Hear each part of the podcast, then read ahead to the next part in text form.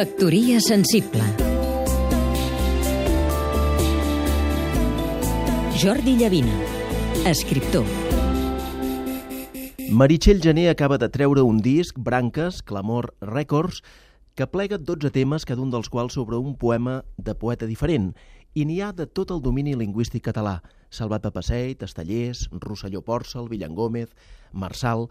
La música és de l'autora, excepte en dos casos, que correspon a Jordi Gassion i en un tercer que és obra de Miquel Llaurador. Dos dels temes els han compost Gené i Gassion a quatre mans. Recomano aquest quart treball de la cantautora lleidatana, una veu que celebra, per fer servir les paraules de Vinyoli, l'obra de la qual va fer un gir important a partir del disc anterior, i així t'escau la melangia, íntegrament dedicat a la poesia de Màrius Torres. Gené sap trobar el vestit per cada poema, i sovint és un vestit fet a mida, clavat.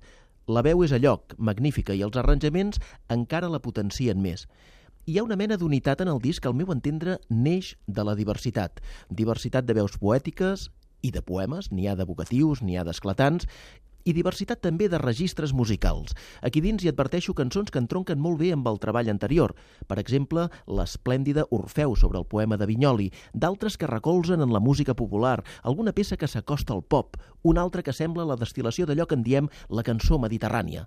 Escoltes una vegada i una altra el disc i a cada audició t'agrada més perquè hi adverteixes els matisos. N'hi ha una de recitada, els versos solemnes de Joan Sales dedicats al seu amic Màrius Torres, i d'altres que ens empenyen a ballar.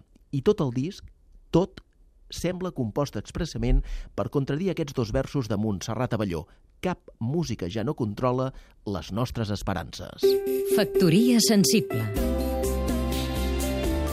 Segueix-nos també a catradio.cat barra Factoria Sensible.